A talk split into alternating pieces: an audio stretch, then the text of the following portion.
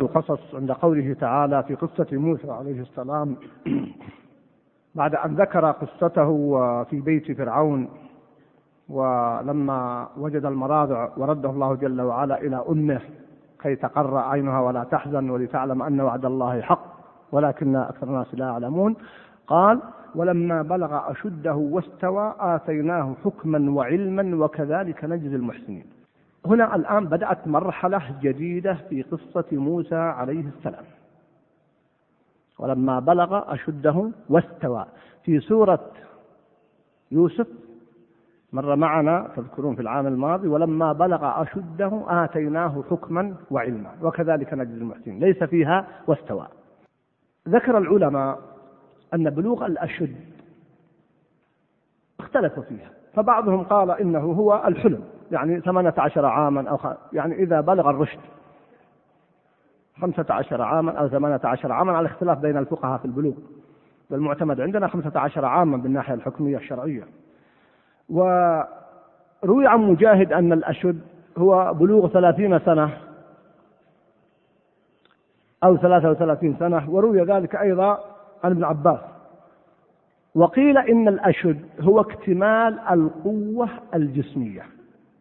هو اكتمال القوة الجسمية أي أصبح ناضجا جسميا. قالوا ولذلك في سورة يوسف قال بعد أن قال ولما بلغ أشده آتيناه حكما وعلما وكذلك نجزي المحسنين قال وراودته التي هو في بيتها عن نفسه أي بلغ مبلغ الرجال فأصبح مكانا للمراودة ولديه القوة والاستعداد وليس صغيرا كما كان قبل ذلك غلاما. هذه لكن هنا قال بلغ أشده هذا معنى الأشد أنه اكتمال القوة الجسمية قالوا ما تكتمل القوة الجسمية إلا بالثلاثين والمسألة يسيرة وإلا الخلاف طويل بين العلماء. قال هنا واستوى. ما هو الاستواء؟ قيل الاستواء هو بلوغ أربعين سنة وقال بذلك ابن عباس ومجاهد. قالوا الاستواء ما دام جمع الأشد والاستواء قالوا الاستواء من 35 إلى 40 هو الاستواء. لقول وبعضهم أكد على الأربعين لقوله تعالى حتى إذا بلغ أربع حتى إذا بلغ أشده وبلغ أربعين سنة. فقالوا إن جعل الأشد قبل ثم جاء أربعين سنة الذي هو الاستواء. مرة عبر عنه بأربعين سنة كما في سورة الأحقاف وهنا عبر عنه بالاستواء. وقصة الأربعين سبقا أشرت إليها أن الأنبياء يبعثون بعد الأربعين. النبي صلى الله عليه وسلم بعث بعد الأربعين موسى بعث بعد الأربعين سواء قلنا بعث بهذه الآية أو نبي بهذا أو بعدها. فالأربعين لها السر الذي يجد ويدرس. هذا الجانب يلحظ. ولذلك قال بعض العلماء إن الاستواء اكتمال النضوج العقلي والعضوي. اكتمال النضوج العضوي والعقلي. فيكون الإنسان بلغ أشده اكتمال العضوي واستوى الاكتمال العقلي فيحتاج إلى الأمرين. وذلك يكون كما قلت على الأربعين. قال بعضهم إن معناه تناهى شبابه وتم خلقه واستحكم. المقصود كل هذه متقاربة والعلماء يجمعون على أن الاستواء لا يكون إلا بعد الأشد بعد بلوغ الأشد. الاستواء يكون بعد بلوغ الأشد. فالأشد عاد بدأوا من ثمانية عشر عاما وبعضهم قال ثلاثين وبعضهم ربطها باكتمال القوة الجسمية. والاستواء يكون بعد ذلك. وربطوه باستواء العقل واكتمال العقل. ف وبعضهم قال إذا جاء الأشد وحده فهو يتضمن معنى الاستواء. ففي قصة يوسف حتى إذا بلغ أشده آتينا حكما وعلما قالوا الأشد يقصد به هنا الأشد والاستواء جميعا. أما هنا ففرق لأنه من حيث الواقع بينهما تفريق. ثم قال آتيناه حكما وعلما. سأمر على هذه سريعا لهذه الآيات. ما هو الحكم؟ هنا لاحظوا قال حكما وعلما. العلماء فرقوا بين إذا اجتمعا قالوا فرق بينهما. العلم قال هو العلم عن بالحلال والحرام وغيرها. أما الحكم فهو الإصابة. وهو الفقه في الدين. هذه مسألة مهمة يجب أن ننتبه لها. ولذلك لفت نظري ويلفت نظرنا جميعا أنه في القرآن يركز على جانب الفقه ويركز على جانب أيضا العقل والتدبر. يقول الله جل وعلا في قصة أولئك كما في سورة الأعراف ينعى عليهم يقول لهم قلوب لا يفقهون بها. ما قال لا يعلمون بها. لهم ولما ذكر قصة سليمان وداود عليهما السلام قال ففهمناها سليمان. ثم جاءت الآية التي بعدها حتى لا يفهم خطأ في حق داود عليه السلام. قال وكلا آتينا حكما وعلما. لكن هذه المسألة فهمناها سليمان. نجد أن النبي صلى الله عليه وسلم يدعو لابن عباس ويقول اللهم فقهه في الدين وعلمه التأويل. ويقول في حديث آخر حديث معاوية من يرد الله به خيرا يفقهه في الدين رب حامل فقه أو لمن هو أفقه منه فالإنسان قد يكون حافظ أو لمن هو رب حافظ ينقل لمن هو أوعى منه. نلحظ التركيز على مع أهمية العلم ولذلك قال العلماء إن الشخص قد يكون عالما ولا يكون حكيما أو لا يكون فقيها. لكن لا يمكن أن يكون حكيما إلا أن يكون عالما. ولذلك ألفت نظر الشباب ألفت طلاب العلم إلى التركيز على الفهم. والعناية به ليست العبرة بكثرة المحفوظات. هناك أناس يحفظون متون عجيبة جدا لكن تجد أن فقههم قليل وأن استنباطهم أقل. بينما ربما هناك آخرون يوجد لديهم محفوظات ولا بد منها لكن تجدهم في الفقه والاستنباط هو الأصل. ولذلك قال السعدي رحمه الله عبارة جميلة. قد يكون الإنسان يقول الشيخ عبد الرحمن بن سعدي رحمه الله كما في تفسيره هذه الآيات في سورة القصص يقول قد يكون الإنسان عالما ولا يكون حكيما. وأما الحكمة قال فهي مستلزمة للعلم والعمل به. هذا في سورة لقمان. عفوا ليس في تفسير سورة القصص. قالها في سورة لقمان. ولذلك قال الله جل وعلا يعني عن لقمان لما ذكر الله جل وعلا بين أنه آتاه الحكمة ولقد آتينا لقمان الحكمة. فلننتبه إلى أهمية عندما نتعلم أو نقصد عالما من العلماء أن نركز على مقدار فهمه وفقهه مع حفظه. لكن الحفظ ليس هو الأصل. لو وجدنا رجلا يكثر المحفوظات لكن فقهه واستنباطه أقل.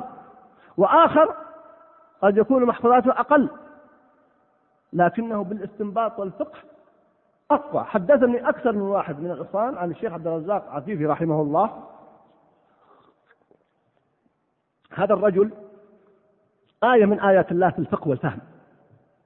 وقد لقيته وقتا ما أطلت لقاءه لكن الشيخ عبد العزيز رحمه الله تمسك به حتى آخر يوم من وفاته من وفاة الشيخ عبد الرزاق حتى أنه طلب التقاعد وبلغ سبعين ثمانين فرفض الشيخ حتى كان يأتي للجنة الدائمة على الكرسي. لماذا تمسك به الشيخ؟ لأنه اشتهر بقوة الفقه والاستنباط. أعجوبة من أعاجيب الزمان ومع كل أسف لم يحرر ولم يلون هذا الفقه. لكن الشيخ يقولون يقول أنا لا أحفظ إلا القرآن فقط. أما غيره أحفظ مسائل. الباقي يستوعبها بدون حفظ. ومع ذلك عنده هذا الفهم والعقل والاستنباط وقوة الترجيح وله مسائل حتى في الدعوة عجيبة جدا. أذكر لكم من مسائله التي بلغتني. هو الرجل كان من جماعة أنصار السنة في مصر قبل أن يأتي هنا. وهو كذلك من أنصار السنة حتى وفاته رحمه الله. كان الشيخ محمد حامد الفقي هو رئيس جماعة أنصار السنة. وهم في مصر هذه الجماعة مشهورة بالصدع بالتوحيد وقوة المنهج. و فكانوا يتحدثون مع أيام نشأة الإخوان المسلمين وكان يحضر الدرس الشيخ حسن البنا رحمه الله. فالشيخ حامد الفقي شديد على الإخوان ويغلظ القول ويشدد على ملاحظات عليهم وأخطاء عليهم. يقولون كان الشيخ حسن البنا رحمه الله الجميع في آخر المجلس وإذا بدأ الشيخ يتحدث عن الإخوان ويشد عليهم طعطع رأسه وبدأ يتبسم يعني من شدة الشيخ. جاء الشيخ عبد الرزاق عفيف وهو نائب للشيخ محمد حامد الفقي وقال له يا شيخ يا شيخ رفقا بهؤلاء. نعم عندهم أخطاء. لكن هذه الطريقة تجعل الناس ينفرون منهم ولا نقوم أن نسد مكانهم كيف؟ قال هؤلاء يأتون الناس في المقاهي وفي المطاعم وفي القرى ويأتون بهم. يا شيخ إذا جاءوا بهم خذهم أنت وربهم التربية التي على السنة. هذا كلام الشيخ عبد الرزاق عفيفي بينما أنت الآن كرجل يأتي لدابة ومعه ما يأتي بها بعلف تأخذها من حتى تشرد. وأنا وأنت ومن معنا ما عندنا استعداد نذهب إلى المقاهي وإلى ما يذهب إليه الشيخ حسن ومن معه. حقيقة لا شك. فيقولون شكره الشيخ وبدأ يخفف لهجته. في طريقة نقده للإخوان. نعم. وهذا الحقيقة فيه شيء من الحكمة ولا يعني أنه لا توجد ملحوظات أو أنه لا توجد أخطاء. لا. نحتاج إلى هذا الأمر. وأذكر قصة مشابهة جميلة جدا حدثني بها أحد كبار المشايخ. يقول أنني يوم من الأيام وهو على مسجد من كبار يعني بعد الحرمين يعد المسجد في مسجد قباء. فيقول خطبت خطبة الجمعة وتكلمت على جماعة التبليغ. كلام شديد. يقول ما علمت إلا جاءني واحد من المشايخ سماه لا أريد أذكر اسمه الآن لكن أعرف الشيخ وهو من تلاميذ الشيخ عبد العزيز رحمه الله وقال له يا شيخ أنت أغلظت القول على الإخوان وشددت عليهم وأنا أوافقك على جماعة التبليغ يعني هم ما يسمون جماعة التبليغ قال جماعة الدعوة عليهم أخطاء. لكن يا شيخ معلش الإخوان جماعة التبليغ بيجيبون الناس عندكم ويحطونهم عند باب الجنة وأنتم اللي معك دخلوهم للجنة جزاكم الله خير. يقول فخجلت الحقيقة وتأثرت وأعطاني درس لا أنساه في حياتي. يعني لا يعني أن ليس لهم أخطاء العدل مطلوب. نعم. وتأتي أسئلة كثيرة يعني الآن القضية. في حق وفيه باطل. في حق وفيه باطل. فخذ ما عند هؤلاء من حق ودع ما عندهم من باطل. وبين لهم الباطل. لا تسكت على الباطل. لكن أيضا حكما وعلما. الحكمة هو قول ما ينبغي كما ينبغي في الوقت الذي ينبغي. فنراعي هذه المسائل. الذي قادني لهذا هو أن الشيخ عبد الرزاق عرف بفقهه واستنباطاته وبعد نظره ولذلك بقي عضو حتى توفي رحمه الله آه، في اللجنة الدائمة تمسك به الشيخ عبد العزيز لأنه كان يرى فيه رجاحة في عقله وفي قوة استنباطاته. هذا هو فعلا ما نحتاج إليه. مع أهمية العلم وكما قال الشيخ السعدي رحمه الله بل إنه يظهر الشيخ السعدي اشتهر بهذا رحمه الله بقوة استنباطاته. الذي يقرأ تفسير الشيخ عبد الرحمن السعدي وغيره يظهر له الاستنباطات في تفسيره وغيره. ولذلك هذا هو من الفقه في الدين. إذا حكما وعلما. نحتاج إلى الحكم والعلم لتكتمل عند الإنسان. أن يحفظ كتاب الله أن يحفظ السنة. لا نقلل من قيمة المحفوظات. خطأ هذا. ولذلك يذكرون عن بعض العلماء أنه يقول إن الشاب حتى يبلغ الثلاثين عليه أن يركز على قوة الحفظ. يحفظ قدر ما يستطيع. يحفظ القرآن يحفظ من الأحاديث يحفظ من المتون. ثم إذا بلغ الثلاثين يبدأ في الاستنباط لأنه يبلغ يقرب من الأشد والأي والاستواء. فيبدأ يستوعب أكثر فيكون عنده رصيد. مثل بعض التجار تأتي فترة مثلا الآن في الحج بعض التجار في الحج خمسة أيام اجتهدوا حملة صاحب حملة من الحملات. شهر واحد فقط. ما قبل الحج بعشرين يوم خمسة عشر يوما. وبعد الحج ونجحت الحملة يجد طول السنة يأكل بما حصل في أيام الحج. ما شاء الله مرتاح. تعب عشرة أيام وبدأ يأكل من هذا الخير الذي ساقه الله إليه. فكذلك الإنسان يركز الأيام الأولى من صباه لقوة الحفظ عنده على الحفظ. ما أقول لا يفهم لا يستنبط لكن لا يكون هو جل همه. فإذا وجد الرصيد كما يجد صاحب الحملة المال عنده في رصيده يبدأ كيف ينفق المال كيف ينفق العلم كيف يستنبط كيف يدرس كيف يفهم. هنا يجمع الله له بين الأشد يجمع له بين حكما وعلما. يكون عنده حكم وعلم. هذه مسألة أيها الأحبة مهمة جدا في هذا الجانب. ثم يقول الله جل وعلا بعد ذلك في قصة موسى وكذلك نجزي المحسنين. سؤال هل نبئ موسى بهذه الآيات؟ هل آتاه الله الحكم والعلم أي أصبح نبيا؟ لنا وقفة مع هذه الكلمة إن شاء الله في الدرس القادم. لأن عندنا وقفة في لما دخل القرية وجد فيها رجلين يقتتلان فيها وقفات عجيبة. من أبرزها أشير إليها الآن وقفت والله متأملا أيها الأحبة. وسأشرحه لكم إن شاء الله بالتفصيل في الدرس القادم. موسى يقتل رجل مشرك من قوم فرعون وظالم. ومع ذلك وسيده ظالم وقد ظلم بني إسرائيل وما أراد قتله إنما أراد دفعه. ومع ذلك وقع القتل فيستغفر الله جل وعلا ويغفر الله له معناه أنه وقع في ذنب عظيم ويعتذر يوم القيامة من الشفاعة. بسبب هذا الأمر. ماذا نقول بما يحدث الآن؟ الأمر عظيم لوقفة إن شاء الله مفصلة لخطورة ما يجري.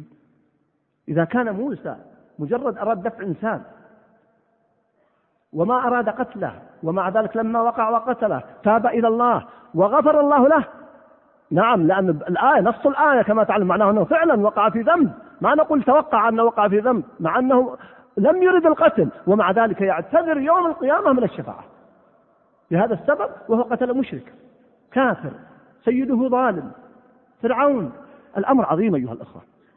هذا لا أستعجل قبل وقته لكن عندها هل كان موسى نبي أو لا؟ لماذا ذكرت هذه القصة؟ هذا هناك حتى نبين. هل أنه عندما قتل القبطي كان نبيا أو لم ينبأ؟ بناء على قول آتيناه حكما وعلما للعلماء كلام في هذا الأمر أدعه في وقته حتى لا أطيل عليكم. إنما أختم بختام الآية. وكذلك نجزي المحسنين. تذكرون هذه الآية التي وقفت معها وتكررت في سورة يوسف عليه السلام خمس مرات. وكذلك نجزي المحسنين. إنا نراك من المحسنين. إن الله لا يضع أجر المحسنين. ومن يتق ويصبر فإن الله لا يضع أجر المحسنين. الإحسان يقود إلى كل خير.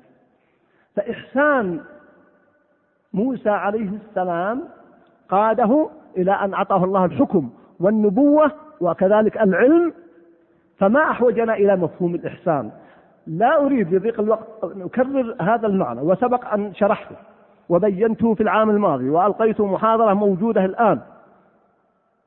بإمكان أي واحد من يرجع إليها في الموقع موقع المسلم أو غيره لمدراك معنى الإحسان وأنه أشمل مما يفهمه كثير من الناس وأنه باب خير وأن الإنسان إذا كان محسنا في إيمانه وتقوى عصمه الله جل وعلا وحماه الله جل وعلا وأعطاه خيرا عظيما كما بينت وذكرت وأن مفهوم الإحسان أعظم مما يقول. وكذلك نجزي المحسنين. جملة اسمية. أي كل محسن يجزيه الله جل وعلا خيرا. كل محسن. فلنكن من المحسنين. في قلوبنا في أعمالنا في إيماننا في قيامنا بحقوق الناس في خدمتنا للخلق. في قمع هذه الفتنة التي تجري الآن في بلادنا. من الإحسان أن نفعل ذلك. هناك وقفات كثيرة.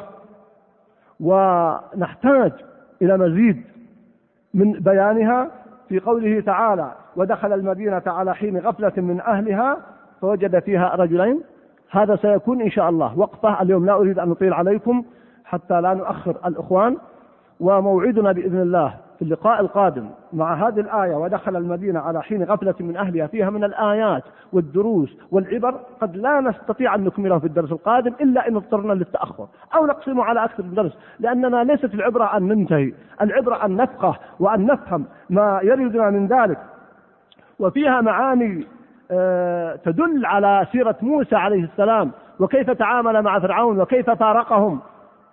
إلى غير ذلك من المعاني وقلت ومن أعظم الدلالات التي سأذكرها إن شاء الله في الدرس القادم ما يتعلق بخطورة قتل النفس والضوابط الشرعية في ذلك وعدم التساهل فيه.